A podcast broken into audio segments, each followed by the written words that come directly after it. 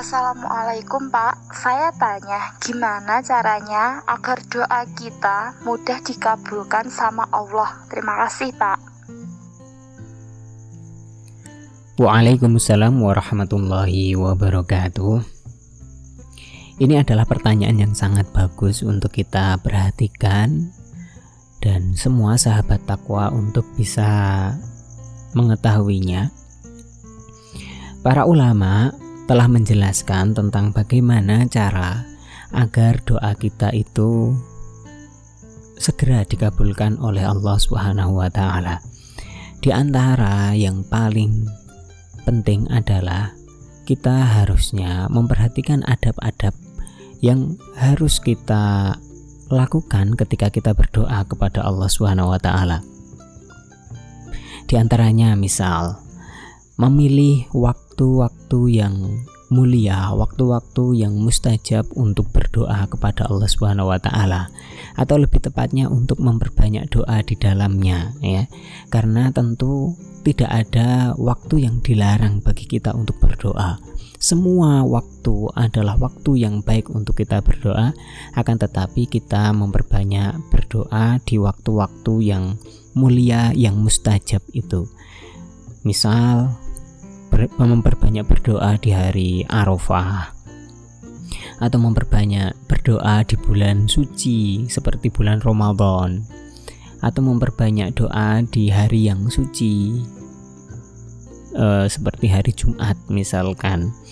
Dan waktu-waktu yang lain seperti memperbanyak doa antara azan dan iqomah lalu memperbanyak doa setelah selesai sholat fardu atau ketika hujan sedang turun atau ketika kita menempuh satu perjalanan jauh kita sedang safar musafir maka waktu-waktu ini adalah termasuk waktu-waktu yang kuat kemungkinan doa itu akan segera diangkat dan dikabulkan oleh Allah Subhanahu wa taala dan masih banyak waktu-waktu yang lainnya.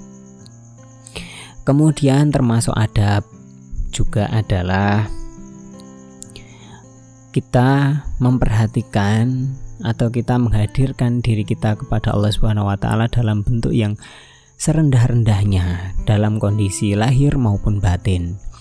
Misal dalam kondisi lahir kita hadir kepada Allah Subhanahu wa taala ketika berdoa itu mengenakan pakaian yang suci tapi sederhana, tidak bermewah-mewahan, tidak uh, terkesan menyombongkan diri di hadapan Allah Subhanahu wa taala akan tetapi dengan pakaian yang sederhana saja. Ini contoh lahirnya. Adapun batin tentu adalah dengan merendahkan diri kita kepada Allah Subhanahu wa taala, merasakan dalam hati bahwa kita memang betul-betul hambanya yang hina, hamba yang tidak bisa apa-apa kecuali atas kuasa Allah Subhanahu wa taala. Menyadari semua itu, maka itu akan memudahkan doa kita untuk diangkat dan dikabulkan oleh Allah Subhanahu wa taala. Kemudian di antara adabnya juga yang harus kita perhatikan adalah berdoa dengan menghadap ke kiblat. Tentu nggak ada salahnya kalau kita berdoa menghadap ke mana pun yang kita mau, karena Allah Subhanahu wa Ta'ala itu tidak terikat dengan arah, akan tetapi berdoa menghadap kiblat tentu lebih utama daripada berdoa menghadap ke arah-arah yang lainnya karena itu dituntunkan dalam syariat. Kemudian juga berdoa dengan mengangkat tangan, menengadahkan tangan kita, kedua tangan kita ke atas dan memohon kepada Allah Subhanahu wa taala. Dan ketika kita berdoa itu dilakukan dengan melirihkan suara kita, yaitu tidak terlalu keras, sehingga membuat orang-orang yang ada di sekitar kita akan mendengar apa yang kita ucapkan, tapi tidak juga terlalu pelan sehingga uh, lisan kita bisu dari mengucapkan uh, apa yang kita munajatkan kepada Allah Subhanahu wa taala. Jadi kita cari uh, intensitas volume di antara keduanya tidak terlalu keras tapi juga tidak tidak pelan sehingga tidak ada suara sama sekali. Kita berdoa dengan lirih. Ini termasuk adab juga.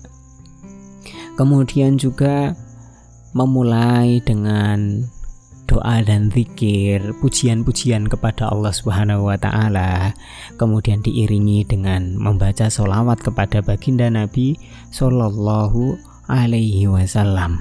Ya, ini adalah di antara adab-adab berdoa. Nah, setelah kita melakukan semua itu, jangan lupa juga untuk memperhatikan apa pun yang masuk ke dalam diri kita.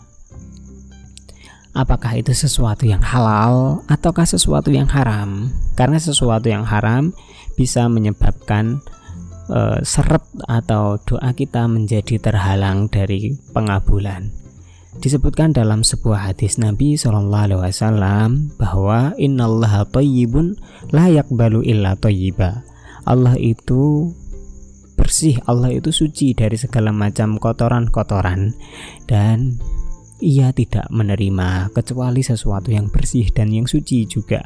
Lalu Nabi SAW menyebutkan tentang ada seorang laki-laki yang dia menempuh perjalanan yang sangat jauh. Di perjalanan itu dia sampai kumal, kusam, lusuh pakaiannya dan dia mengangkat tangannya, menengadahkan tangannya ke langit sambil berdoa ya Robbi ya Robbi.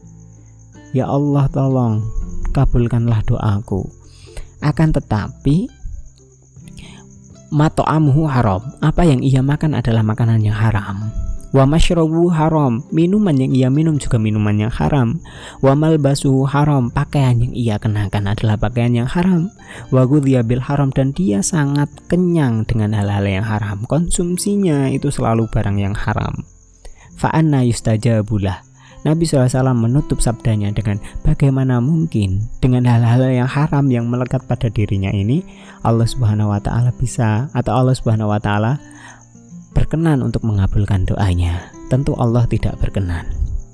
Ya, jadi ini adalah beberapa hal yang harus kita perhatikan ketika kita ingin doa kita segera dikabulkan oleh Allah Subhanahu wa taala. Tapi lebih dari segala dari semua itu, ya ada sesuatu hal yang lebih urgen lebih penting untuk kita pahami lagi yaitu sadari yakini bahwa Allah Subhanahu wa taala itu sami Allah Subhanahu wa taala itu maha mendengar. Allah Subhanahu wa taala itu bukan Tuhan yang tuli. Sehingga apa pun seberapa lirih pun kita meminta bahkan kalau perlu kita hanya meminta betikan-betikan dalam hati kita Allah Subhanahu wa taala tidak akan pernah tuli dari semua itu. Allah pasti mendengarnya. Tak peduli apakah kita ini orang baik ataukah orang buruk apakah kita ini memakan makanan yang haram ataukah memakan makanan yang halal Apakah kita melakukan perbuatan taat ataukah kita bergelimang dalam maksiat? Allah Subhanahu wa taala pasti tetap sebagai zat yang maha mendengar. Tidak mungkin dia tuli dari apa pun yang kita minta, seperti apa pun kondisi kita.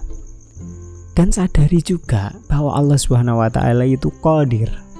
Allah Subhanahu wa taala itu maha kuasa dia mampu melakukan semua yang ia kehendaki. Dia mampu melakukan segala hal untuk kita, termasuk mengabulkan doa kita. Tak peduli, sekali lagi, tidak peduli apakah yang kita makan itu barang yang dilarang ataukah tidak.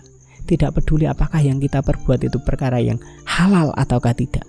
Allah Subhanahu wa taala tetap akan kuasa melakukan apa pun yang ia kehendaki. Maka masalah pengkabulan doa ini sebenarnya adalah hak prerogatif dari Allah Subhanahu wa taala. Itu semua kembali kepada apa yang ia kehendaki. Ia akan mengabulkan doa dari siapa saja yang ia kehendaki dan menahan pengabulan itu dari siapa juga yang ia kehendaki. Allah Subhanahu wa taala akan memberikan dengan segera kepada orang yang ia kehendaki dan Allah Subhanahu wa taala akan menundanya kepada siapa saja yang Allah Subhanahu wa taala kehendaki. Jadi ini bukan masalah. Bukan semata-mata masalah e, kalau kita baik kemudian doa akan segera dikabulkan dan kalau kita buruk maka doa tidak akan dikabulkan atau Allah tidak berkuasa untuk mengabulkan. Bukan, bukan masalah itu. Ya, jadi ini yang perlu kita e, renungi. Ingat Ya ingat selalu bahwa Allah itu zat yang maha mendengar dan Allah Subhanahu wa taala zat yang maha kuasa. Sehingga dengan itu kita tidak akan pernah putus asa dari berdoa kepada Allah Subhanahu wa taala. Kemudian hal yang harus kita sadari juga adalah bahwa doa memang dijadikan oleh Allah Subhanahu wa taala sarana bagi kita untuk meminta, untuk memohon apa yang kita butuhkan. Akan tetapi ingat, Allah Subhanahu wa taala zat yang lebih tahu tentang apa yang kita butuhkan, melebihi dari apa yang kita inginkan.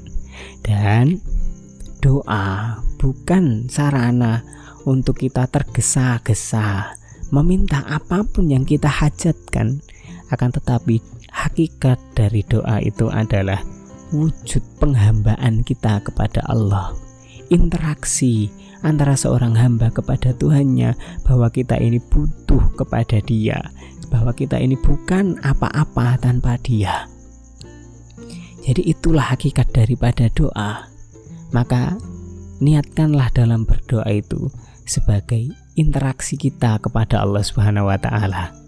Maka kita akan merasakan manisnya doa dalam peribadahan kita, bukan semata-mata ingin agar hawa nafsu kita segera dituruti oleh Allah Subhanahu wa taala. Sehingga walaupun tidak dikabulkan, kita tetap akan bersyukur kepada Allah. Alhamdulillah. Doamu tidak dikabulkan, tapi kita tetap bisa bersyukur. Kenapa? Karena kita masih diberi kesempatan oleh Allah untuk bisa berinteraksi dengannya, tanda bahwa Dia suka mendengarkan ocehan-ocehan kita, suka mendengarkan doa-doa kita.